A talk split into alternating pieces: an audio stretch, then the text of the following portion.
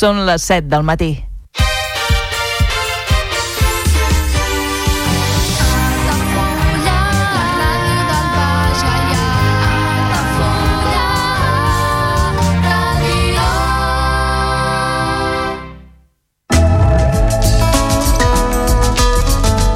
L'agenda Altafulla Ràdio. Visites guiades a la Vila Closa d'Altafulla cada primer dissabte de mes a les 11 del matí, amb sortida des de la Porta Reixada del Castell. Preu de la visita 4 euros. Més informació i reserves a l'oficina de turisme d'Altafulla i al telèfon 977 65 14 26.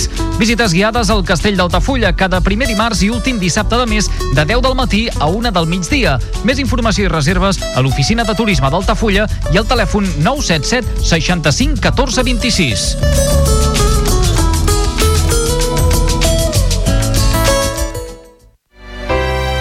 Comunions 2024.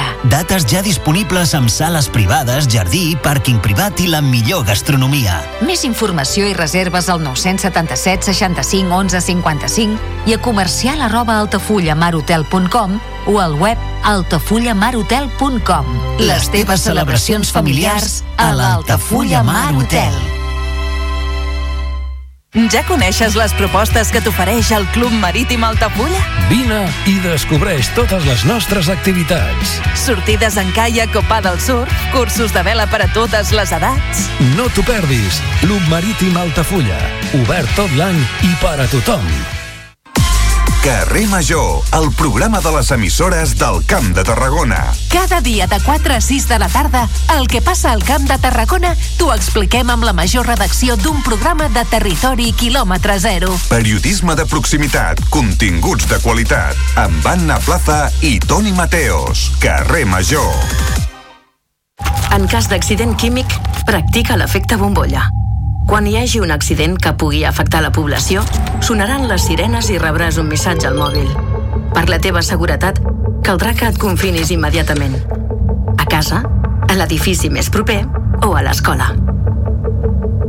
Tanca les portes i les finestres, abaixa les persianes i apaga els sistemes de climatització.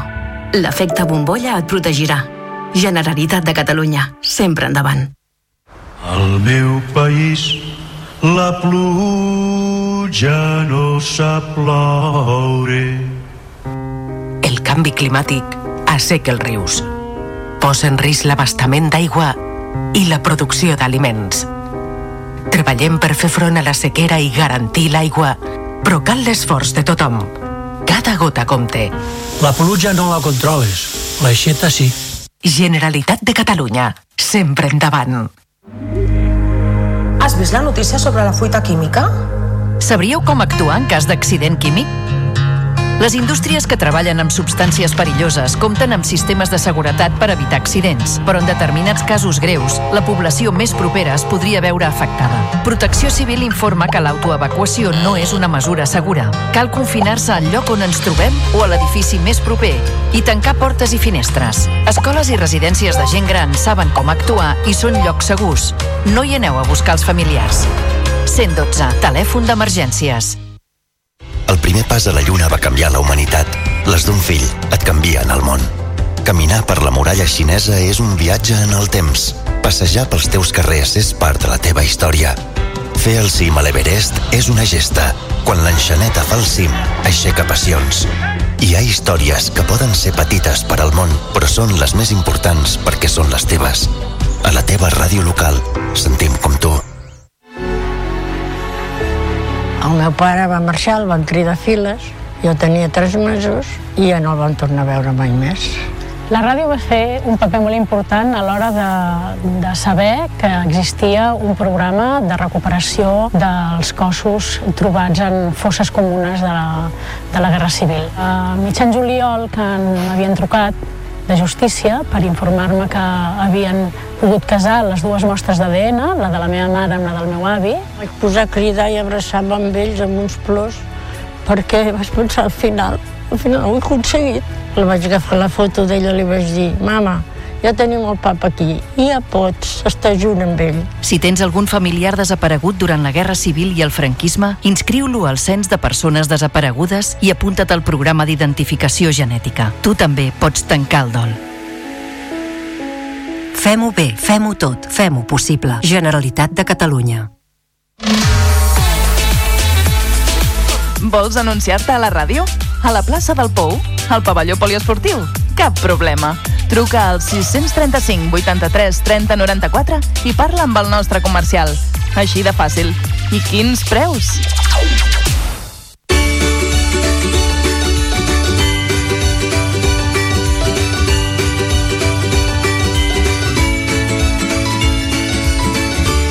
Altafulla Ràdio. Bones festes!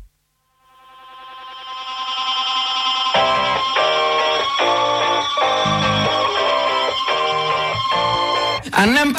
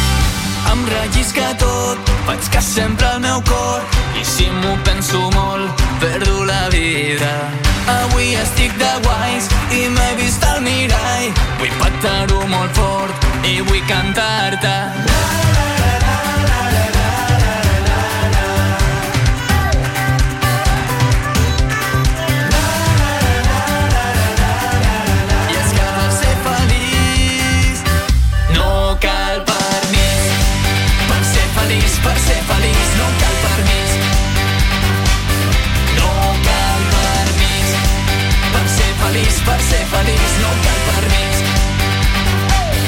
No cal permís. Party time.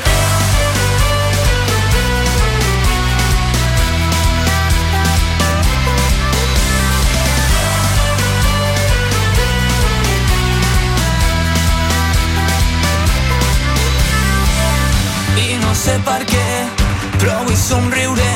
Em sento un pibon, vull menjar-me el món i és que ho tinc tot per fer.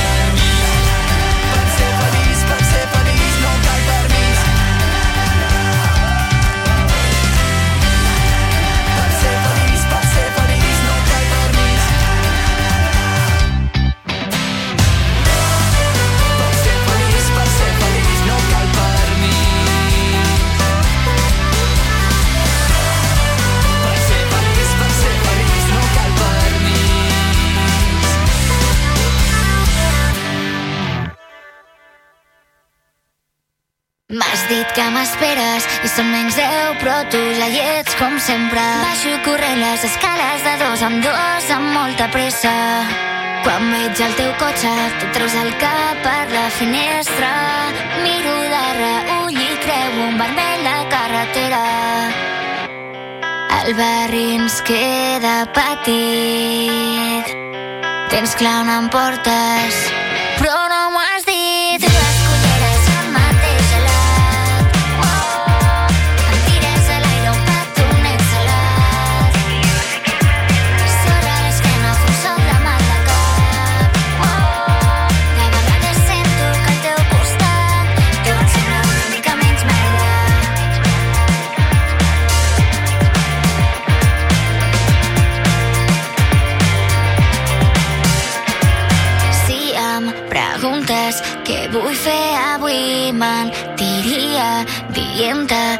Vull quedar aquí si no hi ha un pla.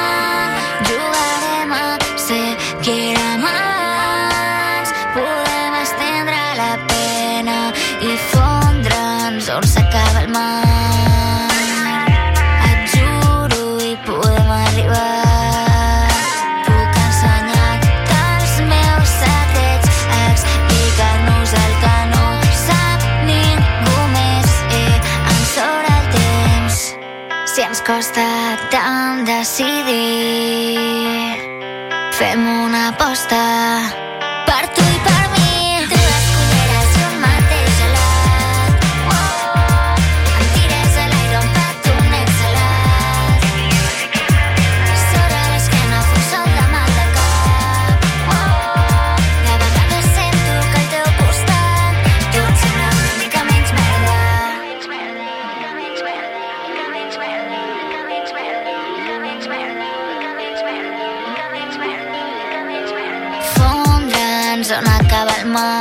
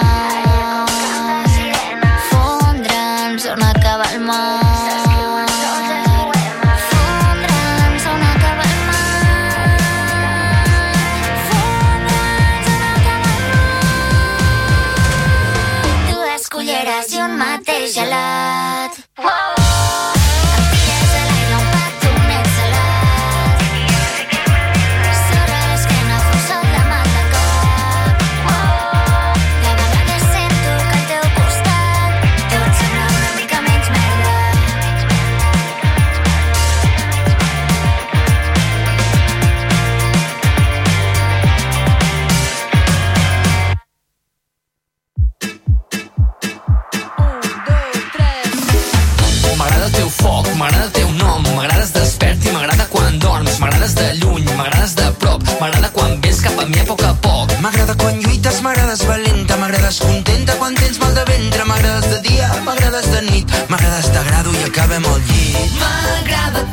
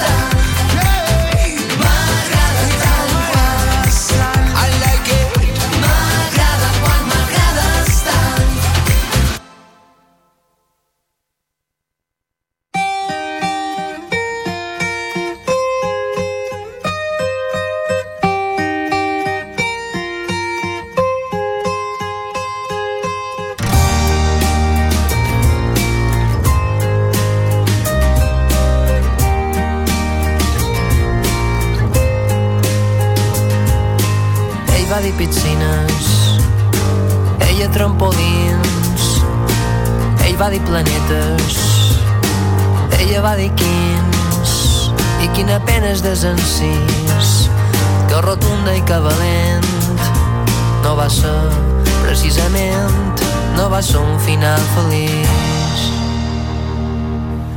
Ell va dir quimonos, ella maniquís, ell va dir tigresa, ella colibrís, i quina pena és desencís, que dolenta i que dolent, no va ser precisament, no va ser un final feliç.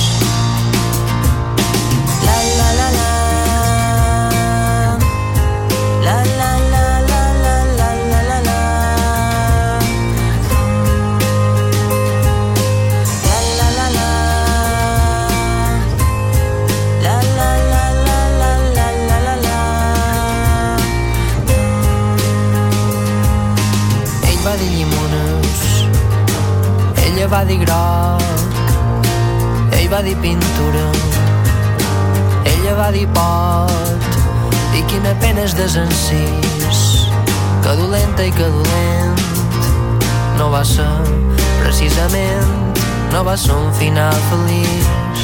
I quina pena és desencís que rotunda i que valent no va ser precisament no va ser un final feliç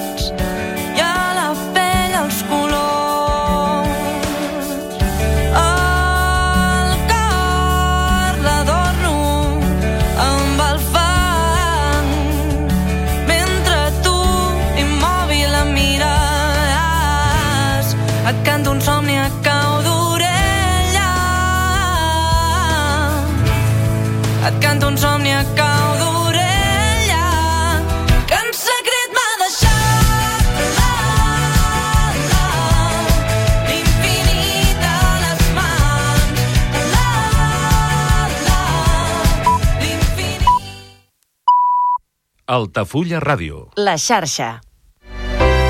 Comunions 2024. Dates ja disponibles amb sales privades, jardí, pàrquing privat i la millor gastronomia. Més informació i reserves al 977 65 11 55 i a comercial arroba altafullamarotel.com o al web altafullamar.hotel.com. Les teves celebracions familiars a l'Altafulla Mar Hotel. Ja coneixes les propostes que t'ofereix el Club Marítim Altafulla? Vine i descobreix totes les nostres activitats. Sortides en caiac o pa del surf, cursos de vela per a totes les edats. No t'ho perdis. Club Marítim Altafulla. Obert tot l'any i per a tothom. Carrer Major, el programa de les emissores del Camp de Tarragona. Cada dia de 4 a 6 de la tarda, el que passa al Camp de Tarragona t'ho expliquem amb la major redacció d'un programa de territori quilòmetre zero. Periodisme de proximitat, continguts de qualitat, amb Anna Plaza i Toni Mateos. Carrer Major.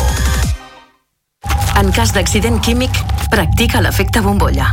Quan hi hagi un accident que pugui afectar la població, sonaran les sirenes i rebràs un missatge al mòbil. Per la teva seguretat, caldrà que et confinis immediatament. A casa, a l'edifici més proper o a l'escola. Tanca les portes i les finestres, abaixa les persianes i apaga els sistemes de climatització. L'efecte bombolla et protegirà. Generalitat de Catalunya. Sempre endavant. Al meu país la pluja no sap ploure. El canvi climàtic asseca els rius. Posa en risc l'abastament d'aigua i la producció d'aliments. Treballem per fer front a la sequera i garantir l'aigua, però cal l'esforç de tothom. Cada gota compte. La pluja no la controles, l'aixeta sí. Generalitat de Catalunya. Sempre endavant. Has vist la notícia sobre la fuita química? Sabríeu com actuar en cas d'accident químic? Les indústries que treballen amb substàncies perilloses compten amb sistemes de seguretat per evitar accidents, però en determinats casos greus, la població més propera es podria veure afectada. Protecció Civil informa que l'autoevacuació no és una mesura segura. Cal confinar-se al lloc on ens trobem o a l'edifici més proper i tancar portes i finestres. Escoles i residències de gent gran saben com actuar i són llocs segurs. No hi aneu a buscar els familiars. 112, telèfon d'emergències. El primer pas a la Lluna va canviar la humanitat. Les d'un fill et canvien el món. Caminar per la muralla xinesa és un viatge en el temps. Passejar pels teus carrers és part de la teva història. Fer el cim a l'Everest és una gesta. Quan l'enxaneta fa el cim, aixeca passions. Hi ha històries que poden ser petites per al món, però són les més importants perquè són les teves. A la teva ràdio local, sentim com tu. El meu pare va marxar, el van cridar files, jo tenia tres mesos i ja no el van tornar a veure mai més. La ràdio va fer un paper molt important a l'hora de, de saber que existia un programa de recuperació dels cossos trobats en fosses comunes de la, de la Guerra Civil. A mitjan juliol, que m'havien trucat de justícia per informar-me que havien pogut casar les dues mostres d'ADN, la de la meva mare amb la del meu avi. Vaig posar a cridar i abraçar-me amb ells amb uns plors perquè vaig pensar al final, al final ho he aconseguit. La vaig agafar la foto d'ella i li vaig dir, mama, ja tenim el papa aquí i ja pots estar junt amb ell. Si tens algun familiar desaparegut durant la Guerra Civil i el franquisme, inscriu-lo al Cens de Persones Desaparegudes i apunta't al programa d'identificació genètica. Tu també pots tancar el dol. Fem-ho bé, fem-ho tot, fem-ho possible. Generalitat de Catalunya. Vols anunciar-te a la ràdio? A la plaça del Pou? Al pavelló poliesportiu? Cap problema. Truca al 635 83 30 94 i parla amb el nostre comercial. Així de fàcil. I quins preus?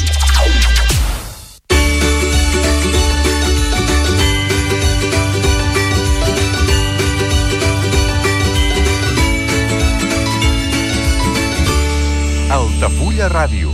Bones festes.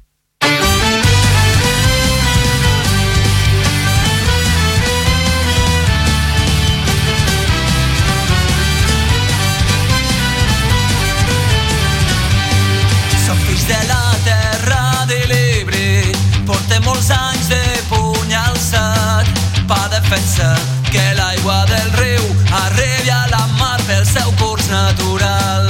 Venim de costa i de muntanya, de terra endins,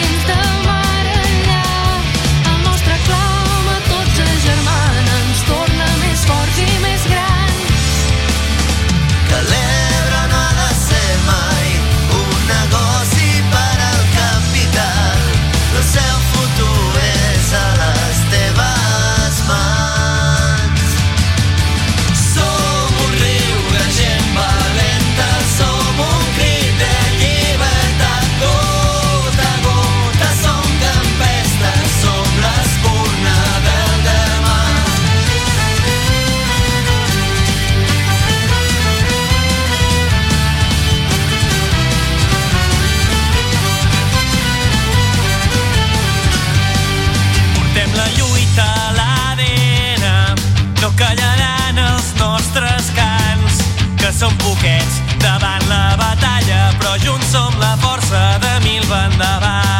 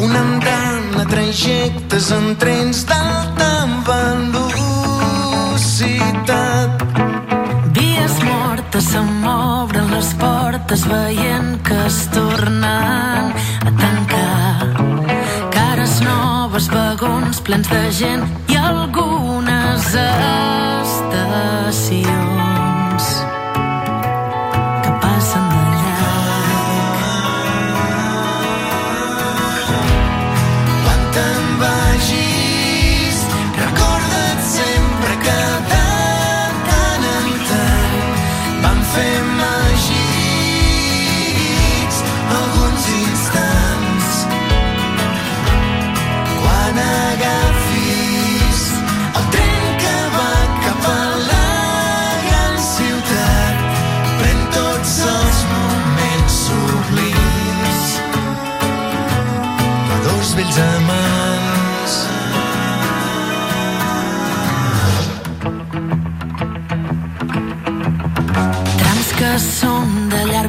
recorregut que no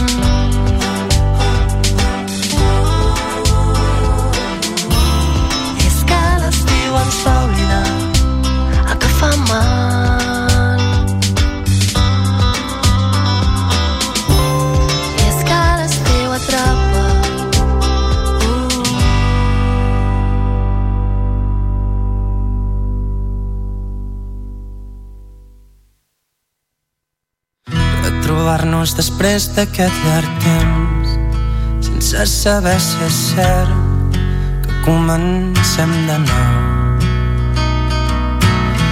Regalar-nos unes copes de vi i escriure el que sentim sense oblidar qui som. Tan fàcil com ahir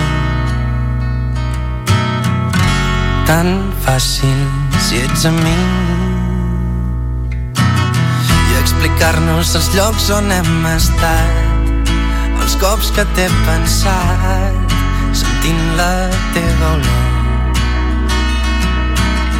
I mirar-nos com si no hagués passat tornar-nos a trobar sabent que és l'últim cop. Tan fràgils com ahir. Tan fràgil si ets amb mi. I sabent que avui no hi ha res a prometre, ens hem deixat endur per allò que no té nom. Caminant enrere sense tocar terra. Conquerint trossets d'aquesta habitació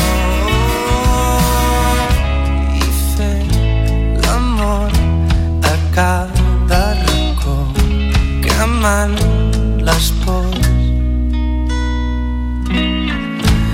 imaginant que per un segon aquest no és l'últim cop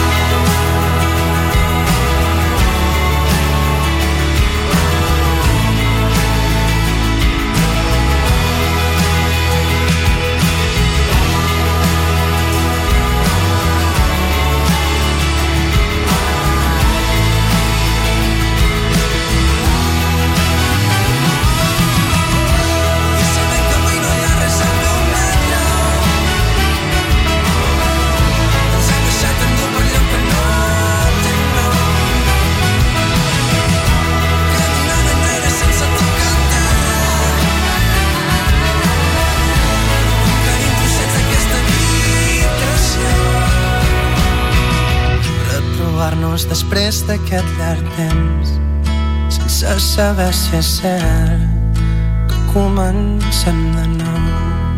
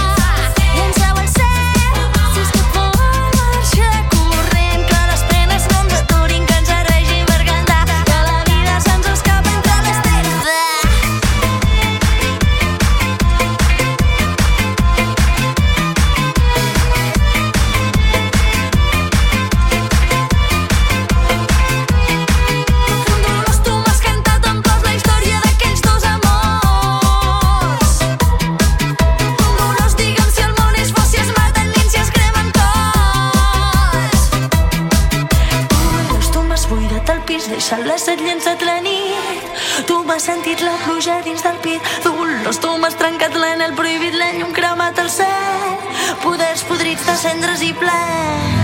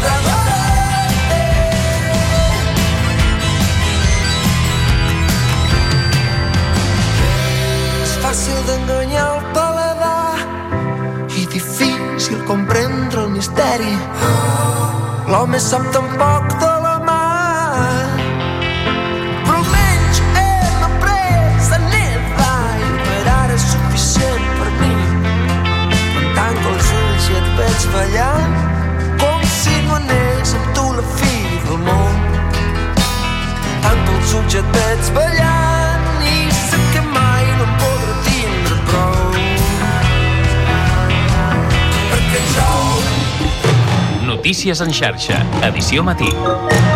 Amb Taís Trujillo. Bon dia, els contagis de grip continuen augmentant a Catalunya i des de fa alguns dies la incidència de la malaltia és la més alta de les últimes temporades. L'elevada incidència de la grip en menors de 4 anys indica que probablement els contagis seguiran en ascens. Els grans hospitals ja han començat a habilitar més llits per afrontar aquest increment de casos i evitar alguns col·lapses que ja s'han produït. De seguida en parlarem de la pressió que estan patint alguns centres sanitaris i ho farem amb Enric Feliu, que és el portaveu de Marea Blanca. I una dada més en aquesta portada. El 65% dels hospitalitzats i el 77% de les persones que van acudir a urgències amb grip als hospitals de l'Institut Català de la Salut durant la setmana passada no estaven vacunats. Doncs així encapçalem el Notícies en xarxa d'aquest dimecres, dia 3 de gener, i al punt de les 8 del matí repassem altres titulars. Primera reunió del govern aquest any amb la sequera com un dels temes importants d'aquest 2024. La imminència de les mesures d'emergència que s'haurien de prendre aquest mes de gener si els embassaments de les conques internes no milloren les seves reserves hidràuliques estan sobre la taula de l'executiu. Els Mossos d'Esquadra investiguen la mort d'un nadó a la Bisbal d'Empordà. Una escombriaire d'aquesta localitat del Baix Empordà va trobar ahir dimarts, a primera hora del matí, el cos del bebè en una paperera del centre del municipi. Els funcionaris de la presó de Ponent, a Lleida, han convocat aquest matí una concentració contra les reiterades agressions que s'han produït al centre penitenciari. Els sindicats demanen que es reguli la utilització d'aerosols per actuar davant certes agressions. El 2024 arriba amb novetats fiscals. Una de les principals és que hauran de presentar la declaració tots els autònoms, encara que no arribin al mínim. Tindran avantatges fiscals els que s'hagin comprat un vehicle elèctric o els propietaris de pisos de lloguer. I en esports, el Girona té avui l'oportunitat de proclamar-se campió d'hivern. Tanca la primera volta rebent l'Atlètic de Madrid a Montilivi. Un duel entre el segon i el tercer classificat que els gironins disputaran sabent ja què ha fet el Real Madrid davant el Mallorca. I en cultura, el Festival Internacional de Circ Elefant d'Or de Girona portarà un total de 81 artistes de 16 països en una dotzena edició amb una gran presència d'atraccions procedents de Rússia, Ucraïna i la Xina. El certamen es farà del 22 al 27 de febrer. Repassats els titulars, ara obrim àrea de serveis. En primer lloc volem saber com se circula aquesta hora per la xarxa viària catalana, per tant connectem amb el Servei Català de Trànsit i amb la Sílvia Delamo. Molt bon dia. Hola, molt bon dia. Doncs hem de dir que la situació viària en aquests moments és tranquil·la i fluida arreu del país. No hi ha cap retenció, uns dies que encara són festius per la canalla i per moltes persones que ens fan de vacances i això es nota. Però amb tot hem tingut aquests dies alguns accidents i molta mobilitat al voltant dels centres comercials i per això us demanem que us circuleu amb cautela. Molt bon dia. I tanquem portada amb la previsió del temps de cara a aquest dimecres. Lluís Miquel Pérez, molt bon dia, com ho tenim?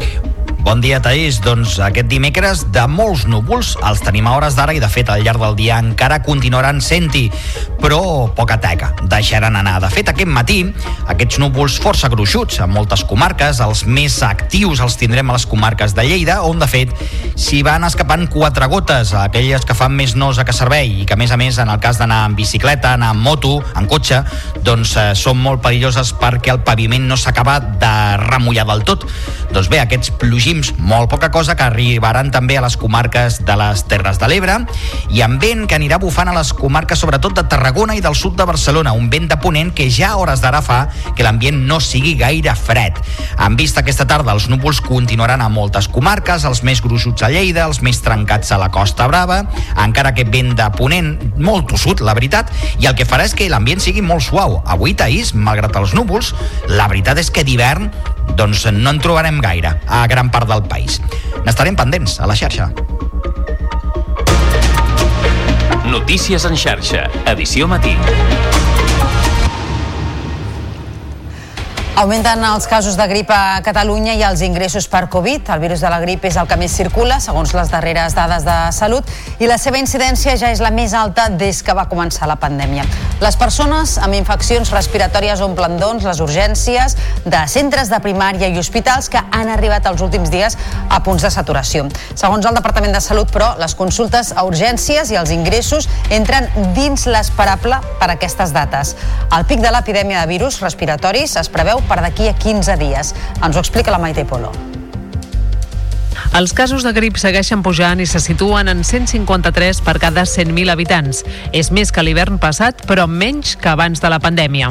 L'elevada incidència en nens i nenes menors de 4 anys indica, segons Salut, que probablement seguirà en ascens els pròxims dies. La grip afecta a totes les edats. El grup més nombrós té entre 15 i 44 anys. Al contrari, el virus respiratori sincicial, el causant de la bronquiolitis, ocupa el segon lloc en contagis, però comença a anar a la baixa. En tercera posició hi ha la Covid. El nombre de persones hospitalitzades amb coronavirus ha pujat i són 720 a planta, segons el darrer recompte, 176 més que abans de Nadal i 24 a l'UCI, 11 més. Al mateix temps es manté un augment per sobre de l'esperable de les pneumònies diagnosticades a l'atenció primària. El Departament de Salut recorda els gestos de prevenció, rentar-se les mans sovint, tapar-se el nas i la boca amb un mocador d'un sol ús a l'esternudar o al tossir, ventilar els espais interiors i posar-se la mascareta si es tenen símptomes. Doncs eh, volem saber què en pensen sobre aquestes dades i sobre la situació que estan vivint les urgències d'alguns hospitals i dels centres d'atenció primària i volem saber l'opinió de la plataforma unitària en defensa de la sanitat pública a Catalunya. Enric Feliu és el portaveu de Maria Blanca Catalunya. Enric, molt bon dia. Molt bon dia, Thais. Bon dia. Les dades i la situació que vosaltres coneixeu, hores d'ara, dibuixen un escenari eh, igual que el que descriu el Departament de Salut o penseu que fins i tot pitjor? Hem de tenir en compte que no tots els casos de grips, primer, passen per l'atenció primària ni per l'hospitalària. Molta gent no va als centres sanitaris eh, a dir que tenen una grip o que sense febre, etc. Hi ha molts casos que, estan, que queden per sota. No obstant això, eh, sí que estem en una situació realment, eh, no diríem que molt bèstia, però sí amb, un, amb uns nivells altíssims, però que venen ja d'abans de les pròpies festes nadalenques. Estem parlant aquesta setmana en 12.000 casos eh, de grip, que hem superat el, el, el llistó de l'any passat, del sostre de l'any passat, però resulta que, per exemple, la setmana anterior a Nadal estàvem a 10.000, quan l'anterior setmana eren 7.000, un increment pràcticament del 50%, amb ritme de vida normal, sense haver tingut els, els contactes familiars de les festes de Nadal. Un altre element que hem de tenir en compte és com han caigut les festes de Nadal aquest any. Els dies festius eh, de Nadal, de Sant Esteve, han caigut en dies que en principi eren dies de setmana laborable, amb la qual els serveis d'atenció continuada dels, dels CAPs no estaven oberts, estaven tancats. I, per tant, s'ha concentrat una major presència de, de ciutadans en els centres, eh, bé en els CUAPs, en els llocs que en disposen, o bé, sobretot, en els serveis d'urgències hospitalàries. Uh -huh. I això ha provocat incrementar més el col·lapse. I a sobre, no oblidem que el col·lectiu professional eh, també tenen dret a, patir, a patir grips i problemes de respiració. És a dir, formen part de la pròpia societat i si el conjunt de la societat pateix una epidèmia de grip, doncs, evidentment, també els professionals també. Com està responent a aquest, el volum d'incidència de, de grip i de Covid al sistema sanitari? Eh, Estan oferint una atenció de, de qualitat? Estan sobrepassats? Què us arriba? estan, estan desbordats. Uh, L'altre dia un company, precisament, clar, a més amb, el, amb els grups de WhatsApp, qui més qui menys els activistes també està passant per estar ingressat, passa per urgències, etc. i comentava que en un dels CUAPs una de les, una de les doctores eh, deia que, mm, responsable d'urgències, deia que no podia prescindir de dos professionals que havien d'anar a fer domicilis. Tenien 13 o, o, 40 o 13 o 20 visites pendents per fer a domicilis, però clar, hi han persones que no poden acudir al CAPS per la seva edat, per la seva complexitat de dificultat de mobilitat, però que tampoc necessiten ser ingressats en un centre hospitalari i se'ls ha de mantenir el servei. La, la responsable d'urgències del servei d'atenció continuada deia que no podia prescindir d'aquells dos professionals en aquell moment. És a dir, estan tensionats al màxim. Només l'esforç dels treballadors i treballadores és el que manté el sistema. Aquí hi ha una part de responsabilitat del Departament de Salut, que és, conscient, perquè no crec que sigui eh, no visquin al món de l'abeja maia, de que el sistema sanitari està eh, amb moltes dificultats, sobretot l'atenció primària i, conseqüentment, també els serveis d'urgència hospitalària, però també ha, jo crec que hi ha hagut una falta de, de responsabilitat en si dels poders públics en general. Eh, no s'han pres mesures més enllà de recomanacions i, de fet, si som sincers, no és ni obligatòria la mascareta en els centres sanitaris. Jo crec que haurien d'haver-se obligat la mascareta en el transport sanita en el transport públic i també en els centres sanitaris com a mesures simplement cautelars. I això no s'ha fet. És a dir, que la mascareta tornés a ser obligatòria per tothom eh, al transport públic i als centres sanitaris, eh? recuperar aquestes mesures que teníem durant la Covid i sobretot en l'última etapa. sobretot un mínim. Eh, no podem demanar, les, no podem obviar que eh, són les dates en què les que reuneix més persones, en familiars, etc, que ja s'intenten prendre mesures, però que estem tot l'any a lo millor pendent de la trobada familiar que necessitem. I llavors resulta que, eh, en canvi, ja ens contagiem tots en el transport públic simplement d'anar a treballar fent la nostra vida normal. Eh, I més que menys ha tingut festes a Nadal en què han tingut persones amb grip a casa, i venien d'abans, venien sobretot d'aquesta setmana anterior en què s'ha mantingut el ritme de vida normal, que els transports públics anaven plens a vessar. Aquesta setmana, per exemple, tot i que la gent, hi ha gent que treballa, el volum en el transport públic és molt menor. Tot i així, eh, el volum de mascaretes en el transport públic és gairebé ridícul. Uh -huh. Avui érem dos que aquí ho portàvem i jo crec que segur que hi havia més gent refredada, amb grip o amb algun virus que anava a treballar. I en canvi no, ningú ho portava. Enric Feliu, portaveu de Maria Blanca Catalunya, gràcies com sempre per atendre'ns. Molt bon dia i fins a la propera. Gràcies a vosaltres. I encara en clau sanitària, el Departament de Salut desplegarà en els propers mesos una nova figura, la dels referents assistencials que faran d'enllaç entre l'atenció primària i els hospitals. Així ho ha avançat en una entrevista a l'Agència Catalana de Notícies al conseller Manel Balcells. La idea és que els referents assistencials facin seguiment de les proves que demanen els CAP per evitar-ne rebutjos o duplicitats i reduir les llistes d'espera, també les de les visites a l'especialista. El gran objectiu del 2024 serà millorar això, millorar la relació entre la primària i l'hospital de referència. De manera que hem decidit de posar referents assistencials per fer això a cada zona del territori. És a dir, professionals que siguin l'enllaç entre la primària i l'hospital per totes les proves, per tot el seguiment, per totes les especialitats. El govern es reuneix avui per primera vegada, aquest any 2024, amb dues grans qüestions sobre la taula. D'una banda, la imminència de l'aplicació de les mesures d'emergència per la sequera més greu viscuda mai, i de l'altra, la urgència de tenir pressupostos ben aviat. Ens ho explica la Mont Carvajal. Només l'1% del nivell dels embassaments de les conques internes ens separen d'entrar en la fase d'emergència per sequera. Quan les reserves que nodreixen el sistema Ter Llobregat disminueixin del 17% actual al 16%, es prendran mesures més dràstiques per 6 milions de catalans. Per exemple, utilitzar 10 litres menys per persona al dia o no dutxar-se en alguns vestidors esportius.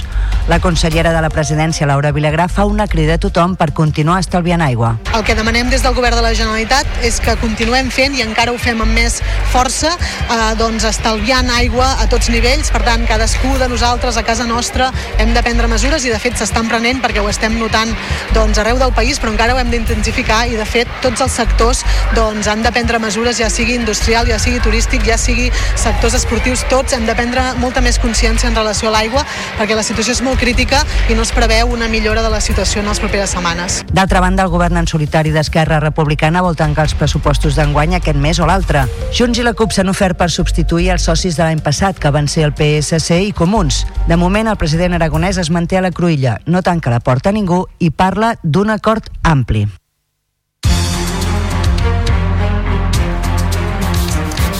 Gairebé un quart de nou hora de matí, falta un minut. Els Mossos d'Esquadra investiguen la mort d'un nadó a la Bisbal d'Empordà. Un escombriaire d'aquesta localitat, del Baix Empordà, va trobar ahir dimarts a primera hora del matí un infant mort en una paperera del centre del municipi.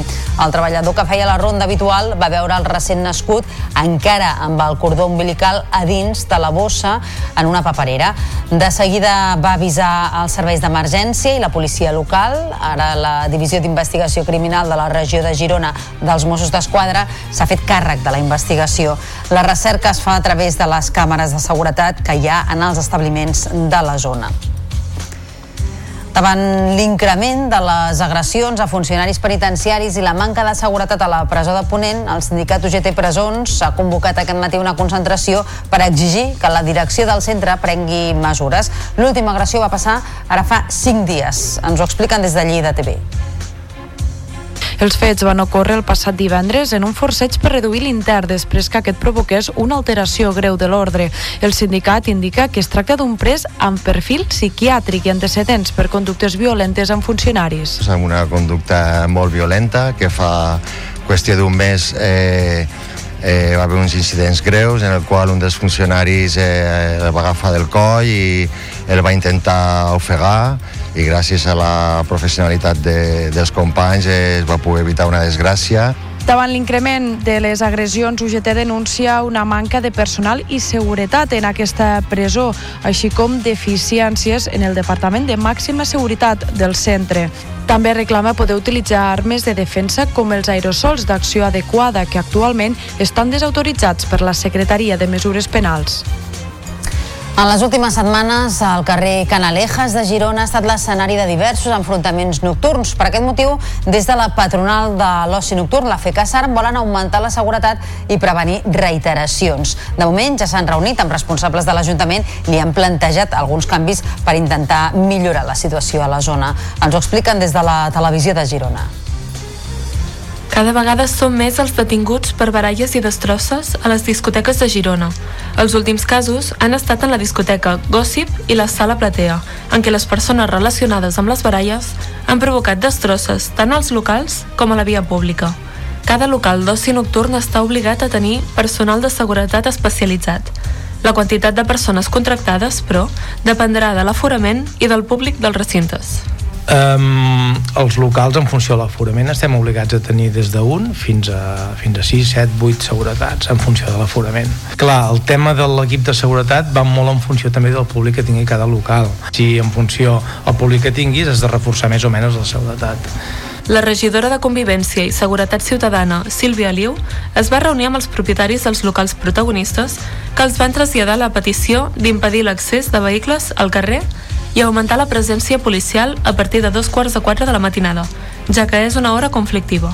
Els propietaris dels locals nocturns de la ciutat consideren que és una petició positiva, ja que pot revertir la situació. Principi d'acord, encara que temporal, entre treballadors i empresa a Celsa després de la reunió de mediació celebrada ahir a Barcelona. Els treballadors han desconvocat el bloqueig que tenien previst fer fins al dia 5 de gener a les entrades i sortides de les diferents bàscules de l'empresa i esperen seguir negociant si no començaran una vaga indefinida dilluns vinent. Els companys de la televisió de Sant Andreu estan seguint l'evolució d'aquest conflicte laboral.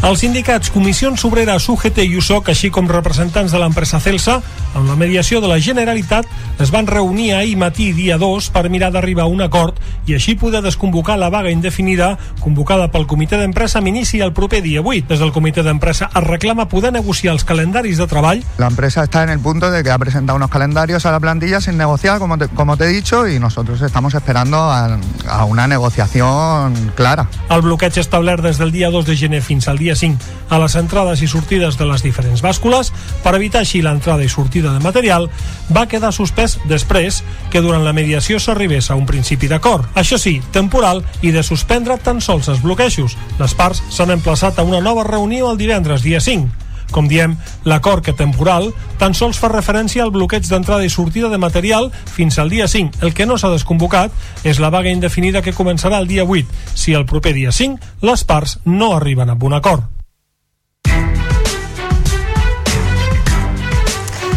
El 2024 arriba amb novetats fiscals. Un dels canvis és que hauran de presentar la declaració tots els autònoms, encara que no arribin al mínim. Els que tindran avantatges fiscals són els que s'hagin comprat un vehicle elèctric o els propietaris de pisos de lloguer. Ens ho explica la Cristina Álvarez. Tots els treballadors autònoms estaran obligats a presentar la declaració de la renda, encara que no arribin al mínim. I és que la Seguretat Social vol tenir constància de quan facturen. A més, s'ajusta el sistema de mòduls de manera que desapareix la reducció extraordinària del 10% en l'IRPF en la majoria de casos. Pel que fa a les deduccions, inclouen beneficis per a qui s'hagi comprat un cotxe elèctric. Se'n podrà deduir un 15% de l'import, fins a un màxim de 20.000 euros. I també si s'ha instal·lat un punt de càrrega, sempre que no hagi rebut una subvenció municipal. També poden obtenir millors avantatges fiscals els propietaris de pisos de lloguer en zones tensionades pels preus, on es podrà aplicar una reducció entre el 70 i el 90% segons diferents requisits. Per tal de fomentar la natalitat, Hisenda aplica novetats a les mares amb fills menors de 3 anys. Ara ja no caldrà que siguin treballadores per accedir als 1.200 euros anuals de deducció. I entre els ingressos que a partir d'ara sí que s'hauran de declarar hi ha els obtinguts a través de plataformes digitals, com ara Wallapop, Vinted o Airbnb, així com les criptomonedes que es tinguin a l'estranger. A Barcelona, l'Ajuntament ha multat amb 420.000 euros un propietari de Ciutat Vella per llogar 14 pisos turístics il·legals de forma reiterada en els darrers 6 anys. Ho feia en una finca del número 24 del carrer Ample a través de les plataformes de Booking i Airbnb sense cap autorització d'activitat turística. Assegurava que eren els seus llogaters els que llogaven els pisos a turistes sense que ell en sabés res. Per aconseguir esquivar les sancions durant tot aquest temps, desactivava els anuncis anuncis i els tornava a activar a les plataformes amb noms, fotos i anfitrions diferents. Albert Batlle és el regidor de Seguretat de l'Ajuntament de la capital catalana. Aquest era un tema que a més doncs, perjudicava greument a la resta de veïns de la zona. Aquí hi havia una complicitat entre una llogatera de renda antiga i el propi propietari. El que s'havia anat produint és una expulsió continuada dels residents en allà. Crec que amb aquesta actuació haurem desmantelat aquesta xarxa delinqüencial. Parlàvem fa uns minuts de la sequera i ara abans dels esports en tornem a parlar perquè sembla que aviat tindrem bones notícies en aquest sentit. Si més no, això és el que pronostica la ceba de Campauet, que preveu més de 1.000 litres d'aigua per metre quadrat aquest 2024. Han seguit aquesta prova tan curiosa els companys d'Olot TV. El calendari de la ceba és una prova meteorològica tradicional que indica quins mesos de l'any seran més secs i quins altres seran més plujosos. En Lluís Grabolosa, de Santa Pau, fa la prova cada any, algun amb més encert que d'altres. Per exemple, encara espera 150 litres que havien de ploure l'any passat. Tot i això, aquest any han de ploure més de 1.000 litres per metre quadrat, una xifra que, si es complís, duplicaria els litres que van caure el 2023. Al principi d'any, al gener i al febrer, no plourà molt, però sembla que hi ha gotes que, que això podria ser neu, tant al gener com al febrer, però tenim tota la primavera plujosa. Eh, cauran, eh, com cabi el mes de, de juny, hauran, hauran caigut 600 litres. Que va tindrem una, un, tot un estiu sec, una tardor seca, però al final d'any també arribarà un episodi, el novembre i el desembre arribarà un episodi de, de pluja. El calendari de la ceba és una prova que cada vegada guanya més adeptes a Santa Pau. Molts veïns i veïnes fan la prova a casa seva i entreguen els resultats a Can Pauet, un dels bars del poble, on s'hi fa un concurs. En acabar l'any, aquell que s'hi hagi costat més s'emporta una estació meteorològica per a la seva llar.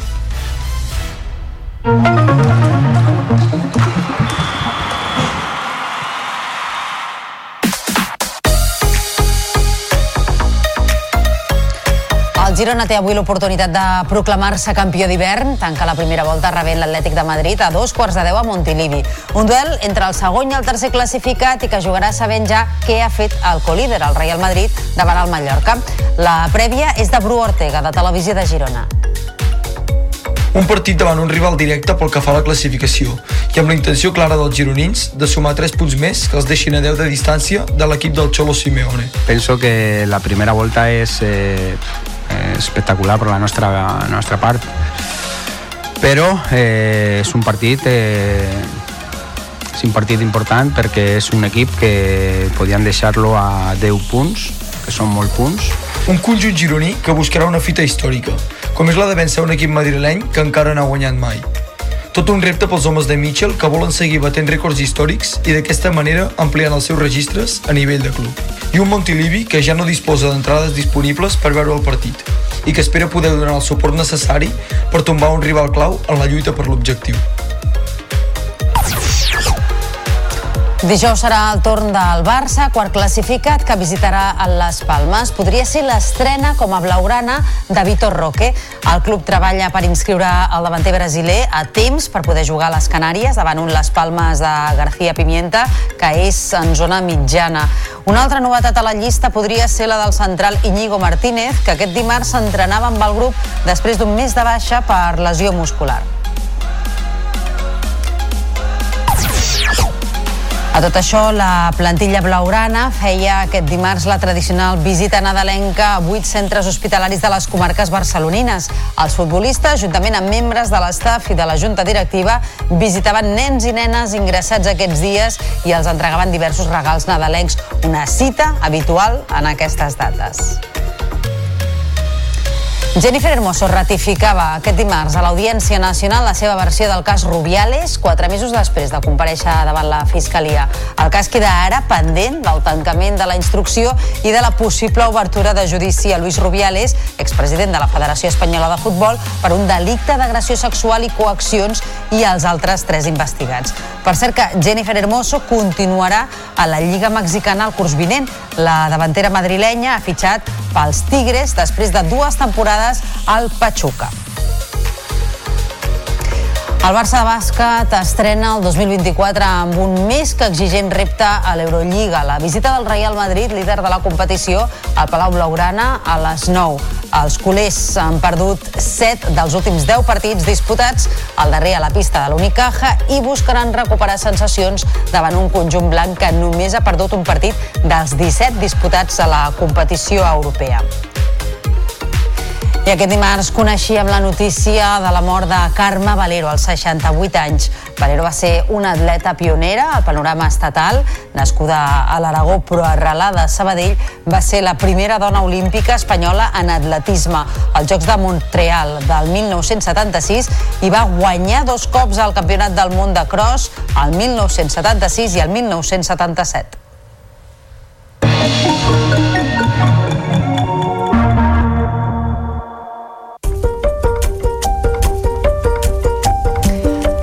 Festival Internacional de Circ portarà 81 artistes a Girona en una edició amb gran presència de Rússia, Ucraïna i la Xina.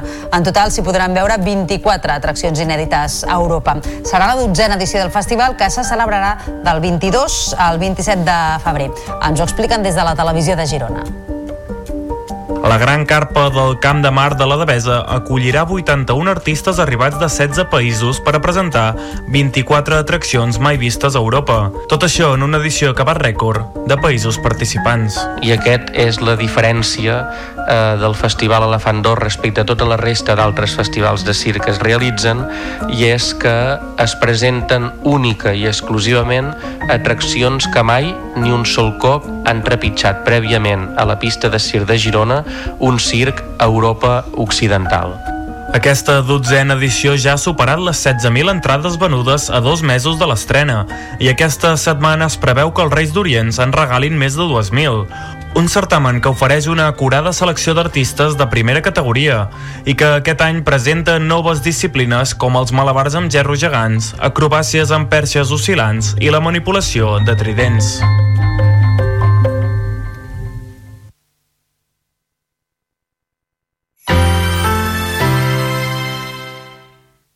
La xarxa de comunicació local. Propostes en xarxa. Nadal sense galets ni canelons. No hi ha sobretaula sense torrons ni neules. I tampoc hi ha cavalcades sense caramels. O sí, perquè poden ser una mica polèmics, però se'n reparteixin o no, formen part de la màgia d'aquesta època. Una màgia que l'Hospitalet de Llobregat té la seva pròpia fàbrica. L'Hospitalet de Llobregat es prepara per l'arribada de ses majestats obrint les portes de la seva fàbrica de caramels. Un espectacle de mapping teatral que ens ensenya com els xefs elaboren els caramels màgics que amb el CEO Gaspar i Baltasar reparteixen la nit de Reis. La podeu visitar entre el 27 de desembre i el 4 de gener a Torrebarrina, on diuen que es feien uns caramels ben dolços de tots els gustos que pugueu imaginar. A la façana de l'edifici s'hi projecta el mapping que us descobrirà la recepta i us permetrà també veure com és la fàbrica per dins tubs, engranatges, energia... A més a més, podreu interactuar amb els actors i ballarins que us acompanyaran en aquesta història. Per si no en teniu prou, en aquest municipi del Barcelonès també podeu visitar-hi la fàbrica de les joguines, el campament reial o el jardí dels desitjos. Fins al 4 de gener, la màgia s'estén per l'Hospitalet de Llobregat amb la fàbrica de caramels i altres espais. En trobareu tota la informació a www.l-h.cat.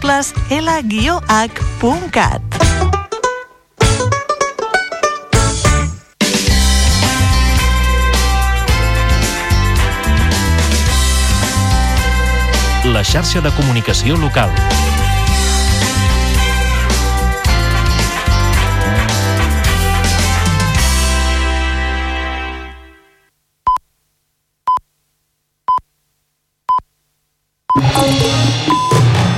Notícies en xarxa, edició matí. Amb Taís Trujillo. Bon dia, avui al Notícies en xarxa us estem explicant que els contagis de grip continuen augmentant a Catalunya i des de fa alguns dies la incidència de la malaltia és la més alta de les últimes temporades. L'elevada incidència de la grip en menors de 4 anys indica que probablement els contagis seguiran en ascens. Els grans hospitals ja han començat a habilitar més llits per afrontar aquest increment de casos i evitar alguns col·lapses que ja s'han produït. I una dada més en aquesta portada, el 65% dels hospitalitzats i el 77% de les persones que van acudir a urgències amb grip als hospitals de l'Institut Català de la Salut durant la setmana passada no estaven vacunats. Primera reunió del govern aquest any amb la sequera com un dels temes importants d'aquest 2024. La imminència de les mesures d'emergència que s'haurien de prendre aquest mes de gener si els embassaments de les conques internes no milloren les seves reserves hidràuliques estan sobre la taula de l'executiu. Els Mossos d'Esquadra investiguen la mort d'un nadó a la Bisbal d'Empordà. Una escombriaire d'aquesta localitat del Baix Empordà va trobar ahir dimarts, a primera hora del matí, el cos del petit en una paperera del centre del municipi. Els funcionaris de la presó de Pronent a Lleida han convocat aquest matí una concentració contra les reiterades agressions que s'han produït al centre penitenciari. Els sindicats demanen que es reguli la utilització d'aerosols per actuar davant certes agressions. El 2024 arriba amb novetats fiscals. Una de les principals és que hauran de presentar la declaració tots els autònoms, encara que no arribin al mínim. Tindran avantatges fiscals els que s'hagin comprat un vehicle elèctric o els propietaris de pisos de lloguer. En parlarem d'aquestes novetats d'aquí a uns minuts amb Josep Maria Noguera, que és membre de l'Associació Professional de Tècnics Tributaris de Catalunya i Balears. I en esports, el Girona té avui l'oportunitat de proclamar-se campió d'hivern, tancar la primera volta rebent l'Atlètic de Madrid a Montilivi. Un duel entre el segon i el tercer classificat que els gironins disputaran sabent ja què ha fet el Real Madrid davant el Mallorca. I en cultura, el Festival Internacional de Circ Elefant d'Or de Girona portarà un total de 81 artistes de 16 països en una dotzena edició amb una gran presència d'atraccions procedents de Rússia, Ucraïna i la Xina. El certamen se celebrarà del 22 al 27 de febrer. Notícies en xarxa, edició matí. Augmenten els casos de grip a Catalunya i els ingressos per Covid. El virus de la grip és el que més circula segons les darreres dades de salut i la seva incidència ja és la més alta des de que va començar la pandèmia. Les persones amb infeccions respiratòries omplen, doncs, les urgències de centres de primària i d'hospitals que han arribat els últims dies a punts de saturació. Segons el Departament de Salut, però, les consultes a urgències i els ingressos entren dins de l'esperable per aquestes dates. El pic de l'epidèmia de virus respiratoris es preveu per d'aquí a 15 dies. Ens ho explica la Maite Polo. Els casos de grip segueixen pujant i se situen en 153 per cada 100.000 habitants. És més que l'hivern passat, però menys que abans de la pandèmia. L'elevada incidència en nens i nenes menors de 4 anys indica, segons Salut, que probablement seguirà en ascens els pròxims dies. La grip afecta a totes les edats. El grup més nombrós té entre 15 i 44 anys. Al contrari, el virus respiratori sincicial, el causant de la bronquiolitis, ocupa el segon lloc en contagis, però comença a anar a la baixa. En tercera posició hi ha la Covid. El nombre de persones hospitalitzades amb coronavirus ha pujat i són 720 a planta, segons el darrer recompte, 176 més que abans de Nadal i 24 a l'UCI, 11 més. Al mateix temps es manté un augment per sobre de l'esperable de les pneumònies diagnosticades a l'atenció primària. El Departament de Salut recorda els gestos de prevenció, rentar-se les mans sovint, tapar-se el nas i la boca amb un mocador d'un sol ús a l'esternudar o al tossir, ventilar els espais interiors i posar-se la mascareta si es tenen símptomes.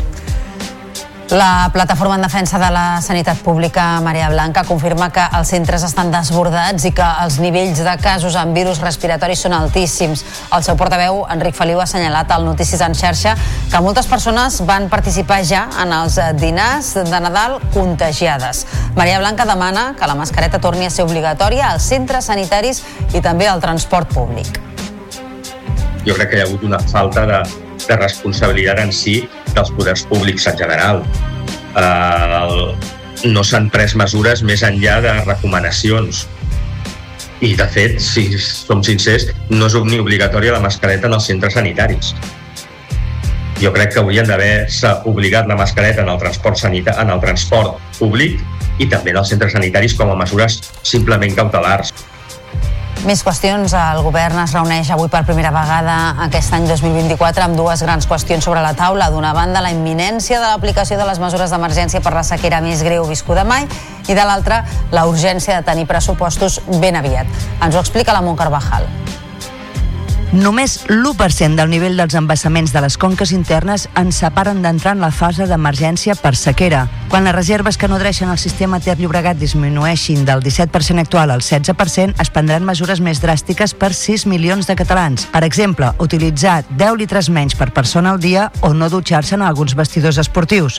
La consellera de la presidència, Laura Vilagrà, fa una crida a tothom per continuar estalviant aigua. El que demanem des del govern de la Generalitat és que continuem fent i encara ho fem amb més força, eh, doncs estalviant aigua a tots nivells. Per tant, cadascú de nosaltres a casa nostra hem de prendre mesures i de fet s'estan prenent perquè ho estem notant doncs, arreu del país, però encara ho hem d'intensificar i de fet tots els sectors doncs, han de prendre mesures, ja sigui industrial, ja sigui turístic, ja sigui sectors esportius, tots hem de prendre molta més consciència en relació a l'aigua perquè la situació és molt crítica i no es preveu una millora de la situació en les properes setmanes. D'altra banda, el govern en solitari d'Esquerra Republicana vol tancar els pressupostos d'enguany aquest mes o l'altre. Junts i la CUP s'han ofert per substituir els socis de l'any passat, que van ser el PSC i Comuns. De moment, el president aragonès es manté a la cruïlla, no tanca la porta a ningú i parla d'un acord ampli. A hores d'ara les reserves d'aigua a les conques internes estan al 17%. La situació de sequera es fa patent, sobretot amb l'embassament de Rius Boadella, que ara es troba per sota del 13% de la seva capacitat, contrastant amb el 32% de fa un any. Amb menys de 8 hectòmetres cúbics d'aigua, molt per sota del 61 de capacitat total, la regió està en una situació crítica. Ens ho expliquen des d'Empordà TV. Durant la tardor, algunes àrees del Pirineu Occidental han rebut pluges, però les conques internes essencials per al subministrament no han registrat un augment significatiu. A mitjans de novembre, les reserves ja havien baixat per sota el nivell històric més baix de l'any 1989, una situació sense precedents. Aquesta sequera sense precedents afecta no només les reserves d'aigua, sinó també la producció d'energia hidroelèctrica i altres sectors claus. Aquesta situació precària posa de manifest la necessitat d'accions immediates per abordar la crisi hídrica que pateix Catalunya. I una altra de les prioritats de l'executiu per aquest 2024 és l'educació i més encara després dels mals resultats obtinguts en el darrer informe PISA. El departament proposarà al govern de la Generalitat l'aprovació d'un grup de 18 experts perquè formin el grup de treball que ha de plantejar millores al sistema educatiu català a mitjà i llarg termini. La consellera d'Educació, Anna Simó, va anunciar la creació d'aquest grup en la cimera entre l'executiu i els partits parlamentaris que es va celebrar el mes passat després de saber que les qualificacions de l'informe PISA eren les pitjors de la història. Segons Educació, el grup el coordinarà el president del Consell Escolar de Catalunya, Jesús Vinyes, i estarà integrat per docents i representants de les direccions dels centres, les famílies, l'àmbit acadèmic i el món local. La previsió és que presentin les primeres conclusions a principis de febrer. I fem ara un apunt internacional en referència al conflicte a Israel.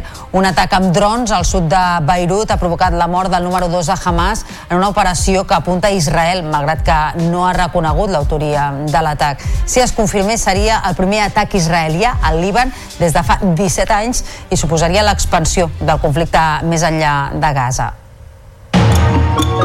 Notícies en xarxa.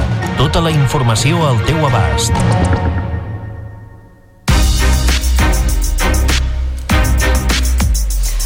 Els Mossos d'Esquadra investiguen la mort d'un nadó a la Bisbal d'Empordà. Un escombriaire d'aquesta localitat del Baix Empordà va trobar ahir dimarts a primera hora del matí un infant, el cos d'un infant mort en una paperera del centre del municipi. El treballador que feia la ronda habitual va veure el recent nascut encara amb el cordó umbilical a dins de la bossa en una paperera.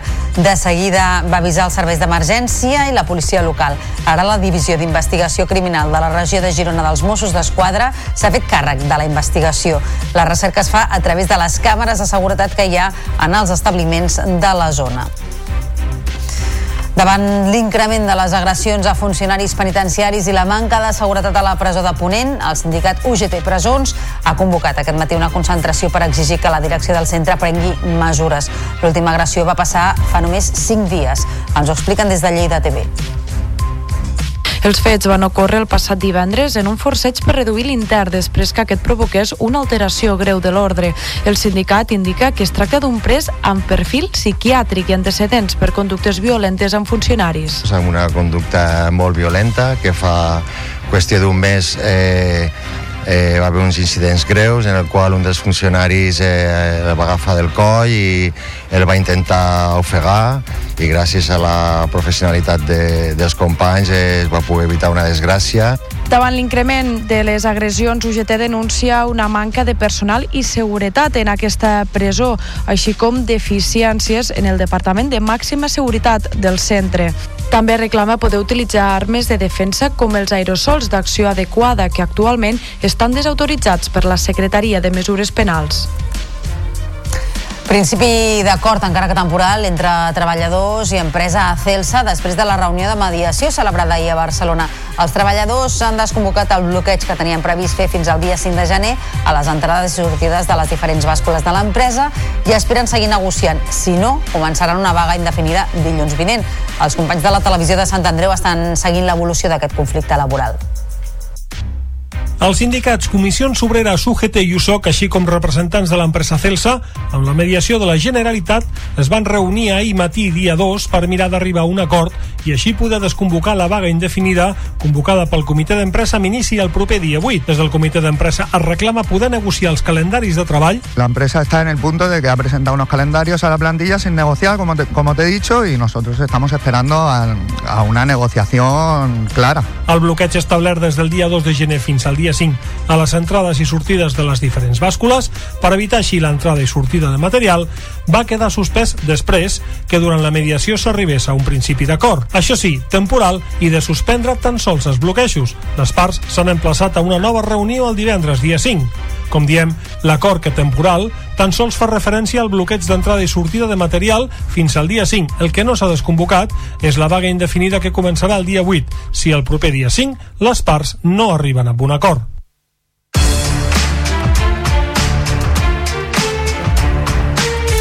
El 2024 arriba amb novetats fiscals, encara falta per haver de presentar la declaració de la renda, serà a partir de l'abril, però ja sabem quins són els canvis que s'aplicaran als ingressos generats durant l'any passat. Una de les novetats és que hauran de presentar la declaració tots els autònoms, encara que no arribin al mínim. Els que tindran avantatges fiscals són els que s'hagin comprat un vehicle elèctric o els propietaris de pisos de lloguer. Anem analitzant aquestes diferents casuístiques. En parlem amb Josep Maria Noguera, que és membre de l'Associació Professional de Tècnics Tributaris de Catalunya i Balears. Senyor Noguera, molt bon dia, bon any. Hola, bon dia, bon any, gràcies. Quina diria vostè que és la principal novetat fiscal, la més destacada de les que entren en vigor aquest 2024, quan fem la declaració de la renda? Sí, eh, jo, jo distingiria efectivament el, el mes, com diu vostè, el, el mes de maig i juny farem la declaració de renta del 2023. No hi ha, diria, gra, grans novetats eh, al marge de la, que, de la que es comentava, no? De que els autònoms a partir de 1.000 euros de rendiment ja tindran l'obligació de fer la declaració. Uh, sí que és cert que mo molts autònoms que ja no arribaven a aquesta xifra o estaven al llindar d'aquesta xifra per desenvolupar activitats professionals uh, ja la feien perquè els hi sortia uh, doncs, de la retenció que havien uh, tingut doncs, uh, devolució, amb la qual doncs, uh, els era favorable fer la declaració. No? Uh, però, però sí que hi ha un canvi que va a cavall del 2023 i 2024, la principal, que em deia vostè, que és els titulars d'habitatges que els tinguin arrendats, no? el que, el que, l'arrendament per residència habitual. No? Que això hi haurà un canvi a partir del 2024. Això ja és una novetat del 2024 que la trobarem a la declaració de renta del 2025. Eh? Si, si li sembla, podem fer Sí. alguns comentaris al respecte. Sí, sí, i tant. Endavant. Sí.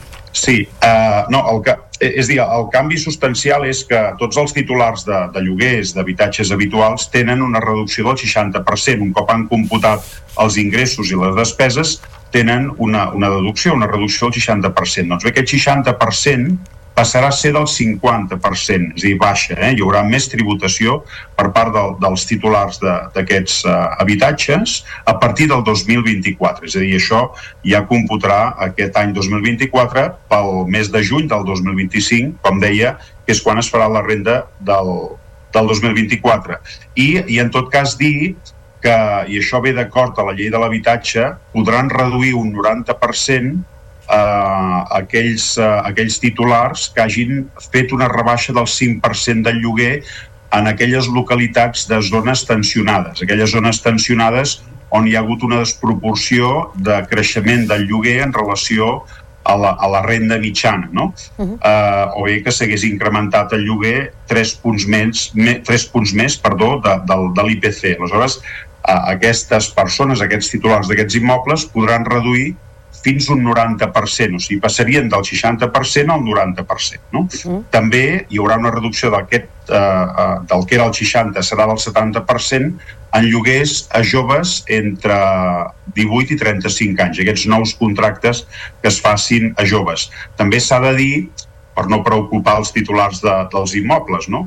que els contractes que s'hagin eh, fet amb anterioritat a 1 de gener del 2024 continuaran gaudint d'aquesta reducció del 60%, però els nous contractes que no estiguin en aquestes zones tensionades només tindran aquesta reducció del 50%. Quins objectius busquen aquests canvis i, i pensa que s'aconseguiran, que són encertades aquestes mesures?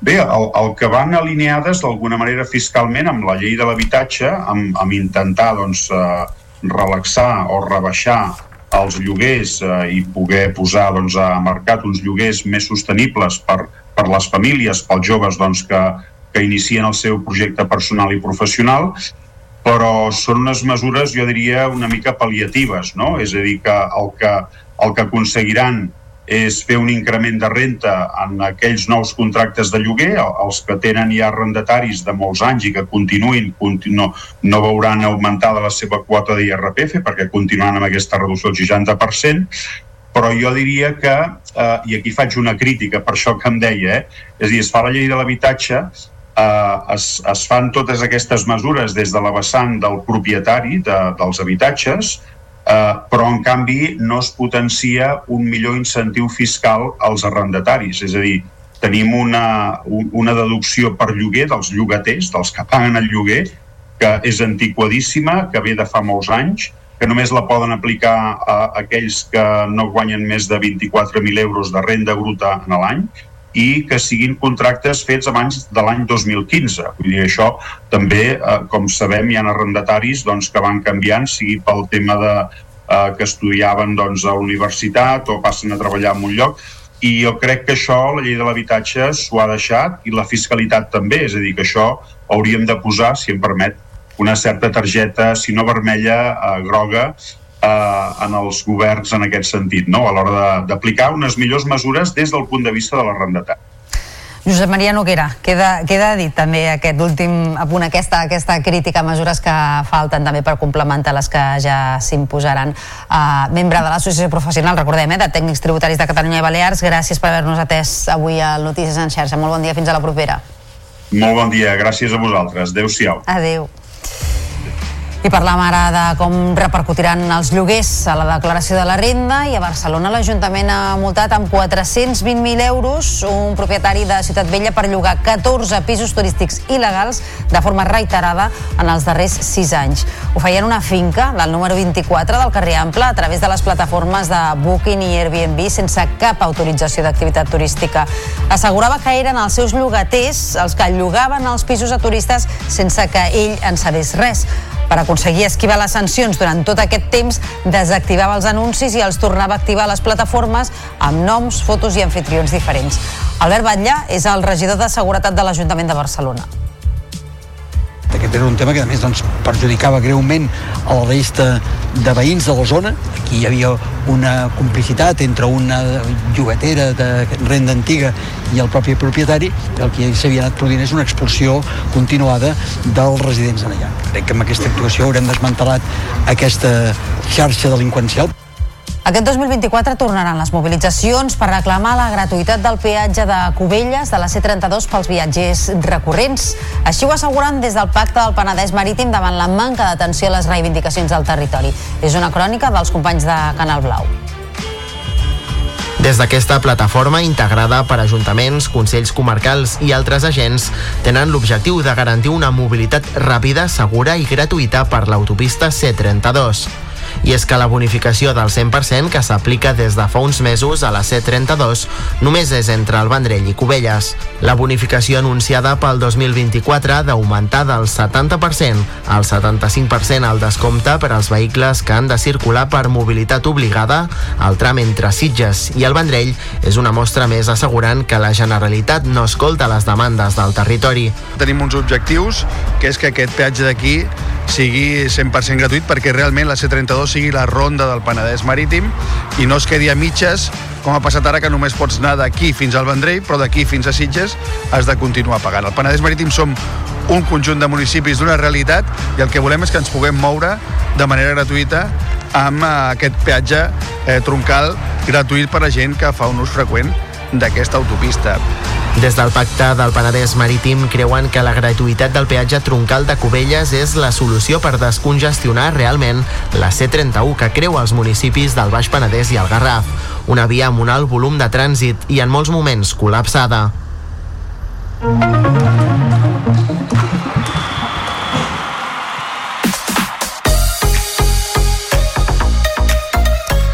El Girona té avui l'oportunitat de proclamar-se campió d'hivern, tanca la primera volta rebent l'Atlètic de Madrid a dos quarts de deu a Montilivi en l'estrena del 2024 per al conjunt gironí.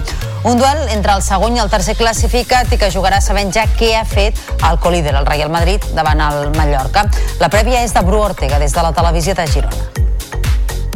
Un partit davant un rival directe pel que fa a la classificació i amb la intenció clara dels gironins de sumar 3 punts més que els deixin a 10 de distància de l'equip del Cholo Simeone. Penso que la primera volta és eh, eh, espectacular per la nostra, la nostra part, però eh, és un partit eh, és un partit important perquè és un equip que podien deixar-lo a 10 punts que són molt punts.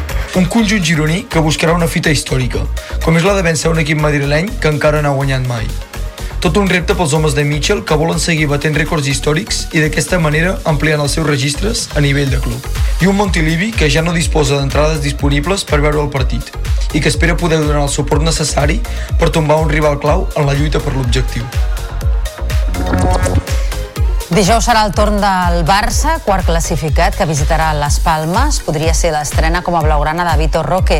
El club treballa per inscriure el davanter brasilià a temps per poder jugar a les Canàries davant un Les Palmes de García Pimienta, que és en zona mitjana.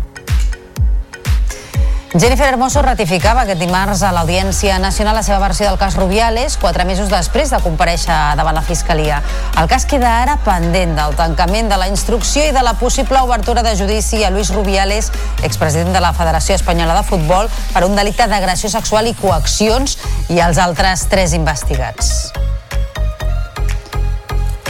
El Barça de bàsquet estrena el 2024 amb un més que exigent repte a l'Eurolliga. La visita del Real Madrid, líder de la competició, a Palau Blaugrana a les 9. Els culers han perdut 7 dels últims 10 partits disputats al darrer a la pista de l'Unicaja i buscaran recuperar sensacions davant un conjunt blanc que només ha perdut un partit dels 17 disputats a la competició europea. El Barça és tercer a un triomf de la Virtus de Bologna, segona, però tan sols una victòria per sobre del setè classificat. I aquest dimecres es tanca la primera volta de la Lliga Femenina que definirà les dues últimes places per a la Copa de la Reina. Pel que fa als catalans, només un serà a la competició del CAO, l'Espar Girona, que buscarà ser cap de sèrie. Ara mateix és quart. Les gironines reben el líder, el València, en un partit que suposarà l'estrena de Roberto Íñiguez a Fontejau. És baixa Marta Canella per una lesió al genoll. El tècnic destaca les virtuts de les valencianes. Que es un equipo cohesionado, compacto, que tiene muy claro lo que juega y que cuando eh, se pone en situaciones defensivas eh, duras, bueno, pues se hace, se hace difícil jugar contra ellas, ¿no? Entonces para mí eso es uno de los puntos que tenemos que hacer muy bien. Pel que fa als altres dos conjunts catalans, tots dos tenen duels directes en la lluita per mantenir-se fora de perill. El Barça CBS, que encadena 7 derrotes i marca la permanència, visita el Gran Canària, equip que obre el descens, i el Cadí la Seu juga a la pista de l'Araski, equip amb qui igualen balanç, dos triomfs per sobre del descens. La Lliga Femenina Endesa arrenca amb força el 2024, diumenge hi torna a haver jornada, amb partits per als tres equips catalans. Thank you.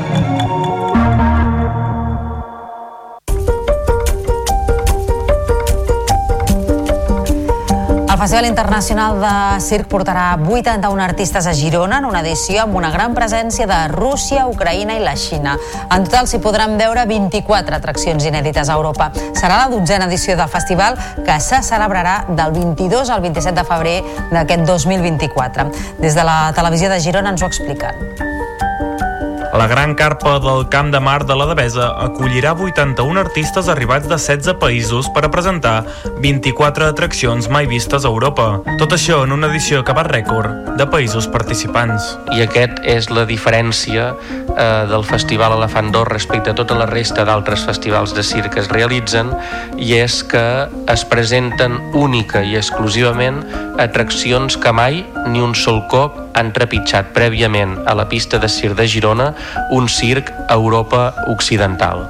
Aquesta dotzena edició ja ha superat les 16.000 entrades venudes a dos mesos de l'estrena i aquesta setmana es preveu que els Reis d'Orient se'n regalin més de 2.000. Un certamen que ofereix una acurada selecció d'artistes de primera categoria i que aquest any presenta noves disciplines com els malabars amb gerros gegants, acrobàcies amb perxes oscil·lants i la manipulació de tridents. Poc menys d'un any després de la seva creació, l'Associació d'Artistes Arplà del Pla d'Urgell presenta aquestes festes la seva primera exposició col·lectiva amb obres que reflexionen entorn de l'humor. Són 12 artistes de la plana que a través de diverses disciplines com ara fotografies, art plàstic, ceràmica o dibuix presenten les seves obres provocadores que posen a prova els sentits del visitant. Així hem arribat al final de Notícies en xarxa d'aquest dimecres 3 de gener. Tornem demà a les 8 del matí amb més informació de territori. Que vagi bé.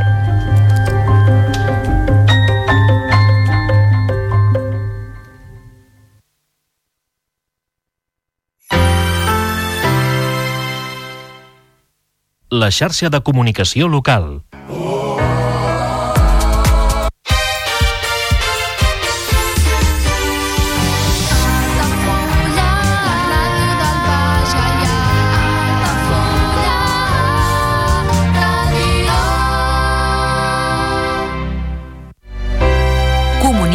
2024. Dates ja disponibles amb sales privades, jardí, pàrquing privat i la millor gastronomia. Més informació i reserves al 977 65 11 55 i a comercial arroba altafullamarotel.com o al web altafullamarotel.com. Les teves celebracions familiars a l'Altafulla Mar Hotel. Ja coneixes les propostes que t'ofereix el Club Marítim Altafulla? Vine i descobreix totes les nostres activitats. Sortides en caiac o pa del surf, cursos de vela per a totes les edats. No t'ho perdis. Club Marítim Altafulla. Obert tot l'any i per a tothom. Carrer Major, el programa de les emissores del Camp de Tarragona. Cada dia de 4 a 6 de la tarda, el que passa al Camp de Tarragona t'ho expliquem amb la major redacció d'un programa de territori quilòmetre zero. Periodisme de proximitat, continguts de qualitat, amb Anna Plaza i Toni Mateos. Carrer Major. Al meu país la pluja no sap ploure. Canvi climàtic asseca els rius, posa en risc l'abastament d'aigua i la producció d'aliments. Treballem per fer front a la sequera i garantir l'aigua, però cal l'esforç de tothom. Cada gota compte. La pluja no la controles, l'aixeta sí. Generalitat de Catalunya, sempre endavant.